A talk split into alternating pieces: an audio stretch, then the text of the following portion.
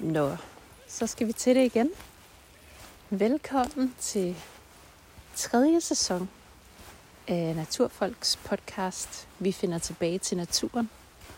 Mit navn det er Maria Garde. Jeg er også for tredje sæson i Streg, din vært, i den her podcast-serie, der handler om at finde tilbage til naturen. Det er en podcast, hvor der er en hel del ro på. En hel del eftertænksomhed. En hel del for mig nyopdaget viden om naturen. Viden, som jeg har tilegnet mig over de sidste fire år, hvor jeg har boet midt i skoven i Søhøjlandet her i Danmark. Vi er i slutningen af januar, og jeg går en tur i en helt vindstille skov. Der er koldt, der er vådt, og der er lidt diset. Men der er lidt blå himmel. Det har vi ikke set meget af de sidste par måneder, så det er stort. Det er også stort, at vi har fået en time mere. En time dagslys mere allerede siden slutningen af december.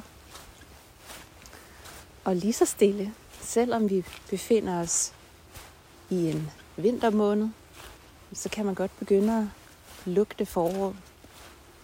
Eller man kan ikke lugte det endnu, fordi jeg er aldrig i tvivl den morgen, jeg står ud af sengen og åbner døren her i skoven, og der dufter af forår. Og det gør der ikke endnu. Og der går nok lidt tid. Men det der med, at det er blevet lidt lysere, det kan man jo virkelig mærke, når man ikke er omgivet af gadebelysning, for eksempel. Det betyder også, at når der er nogle af de her klare aftener, så er der en fremragende stjernehimmel. Det er en af mine favoritbeskæftigelser, og jeg er stort set garanteret på de stjerneklare aftener, når jeg går ud og kigger op og se nogle stjerneskud.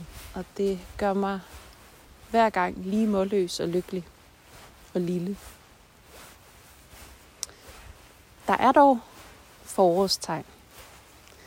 I forgårs, der hørte jeg for første gang flagspætten give sig til kende ved en hurtig hakken i en givetvis død træstamme.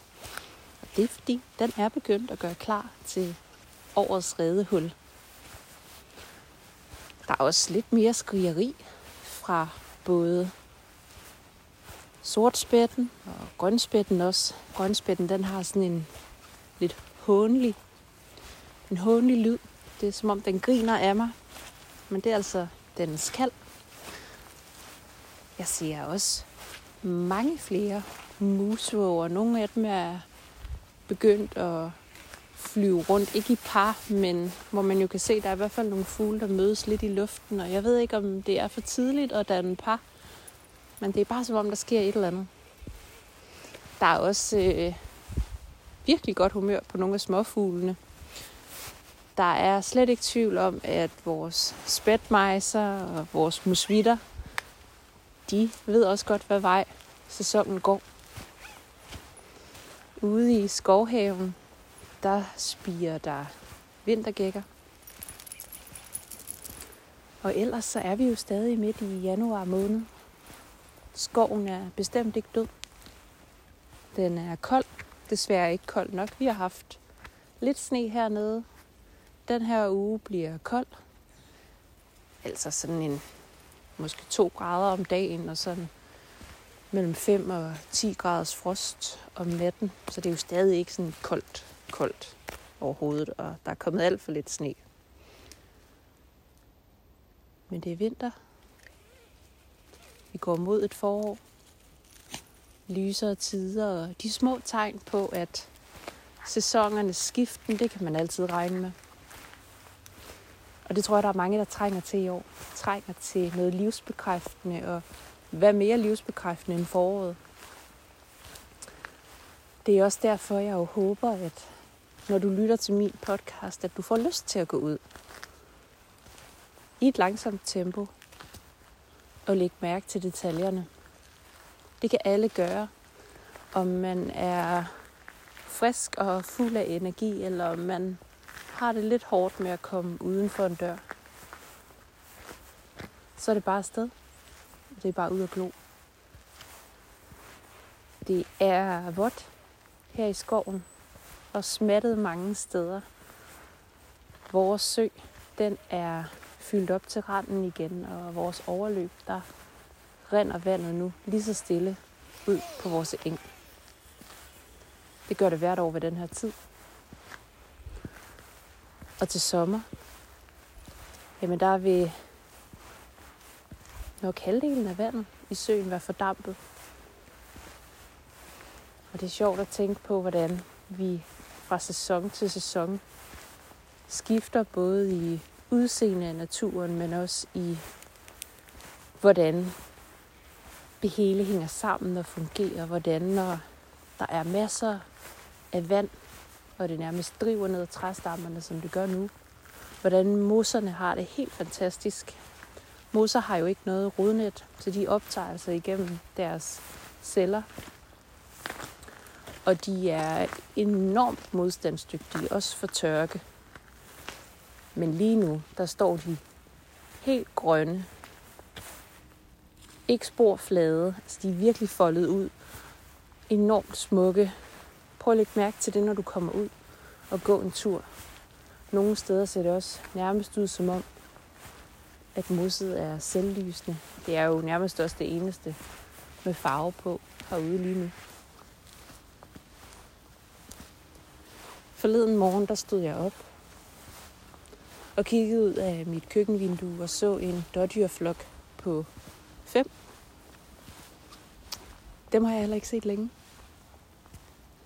Det er som om, at dyrene jo godt ved, at når der er jagtsæson, så holder man lav profil.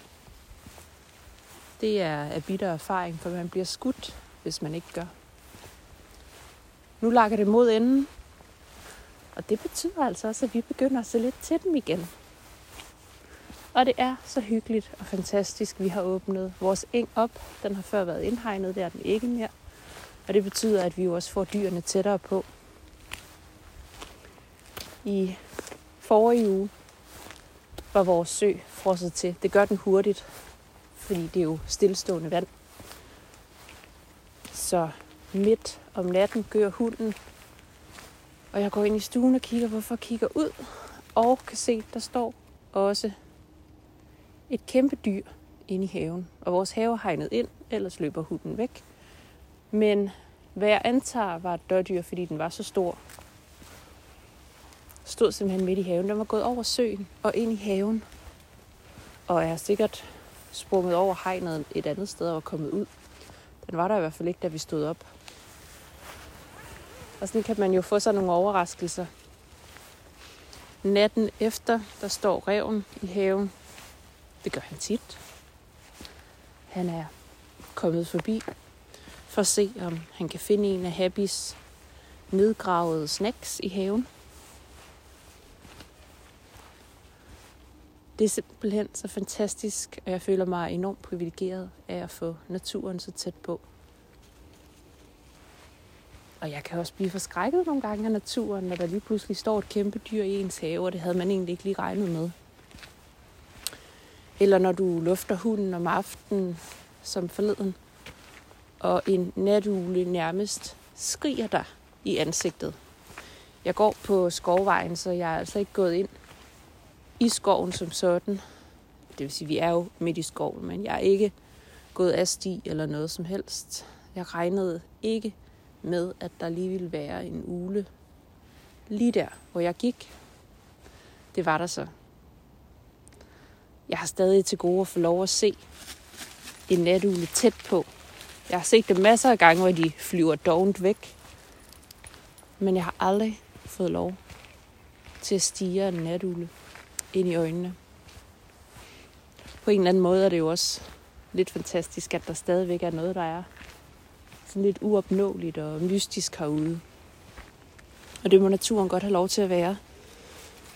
Den må godt have lov til at være for sig selv og være noget, vi fantaserer og drømmer om, men også noget, vi respekterer og husker at træde et skridt tilbage. Af samme årsag, der går jeg jo også kun på vores veje. Især om aftenen, og med en lygte, der er rettet mod jorden. Jeg har skruet den ned på laveste blus, så jeg ikke forskrækker dyrene. Desværre er der jo undersøgelser, der viser, at med al vores færden i naturen, der er der nogle omkostninger. Ikke for os som mennesker, men for dyrene, som bliver enormt stresset. Så endnu en gang en opfordring til at huske at respektere, at skoven skal have fred, når det er mørkt. Og vi skal ikke bare jage ind over et, øh, et lukket stykke. Der kan være dyr, der her til foråret yngler. Det skal vi huske virkelig at respektere. Yngletiden. Huske, at en grævlingegrav går man pænt udenom, uden at forstyrre. At al den her fantastiske natur jo kun er her, fordi vi respekterer den, og fordi vi giver den den fortjente afstand. Jeg er ret sikker på, at de fleste af os ville kunne forstå frustrationen, hvis der lige pludselig stod en familie på din altan eller i dit soveværelse. Fordi de bare gerne lige ville glo lidt. Det er jo det, vi gør, når vi træder ud i naturen. Så mange af os, som vi nu er, så forstyrrer vi jo nogle gange noget liv herude. Og det skal vi især huske her i den kommende tid, altså i foråret, hvor der skal være fred og ro til de ynglende par og til dyrebørnene efterfølgende. Og så lover jeg, så er der masser af fantastiske oplevelser, som man jo kan få på distancen. Og hvor man kan give sig selv lov til at følge andre sanser end synsansen. Det kan være lugtesansen eller lytte til naturen. Det er en lige så stor oplevelse at høre en grønspætte, som det er at se den. Jeg synes, det er fantastisk at blive mindet om, at der er liv i skoven, som jeg ikke nødvendigvis ser, men de er her. Og så nogle gåture nyder jeg en del af i øjeblikket. Landet er jo fortsat nedlukket, og det betyder måske, at mange af os, man kan ikke sige har god tid, men har en anden dagligdag, end vi plejer.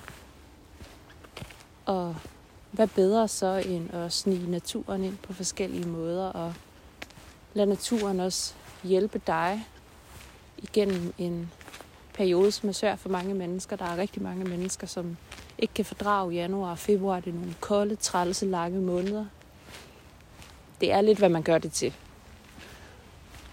Og jeg vil sige, der er ikke noget, der gør en mere positiv og fyldt med energi end en kold tur i skoven. Jeg tror, Happy og jeg vil gå det sidste stykke i fred og ro, uden at sige noget.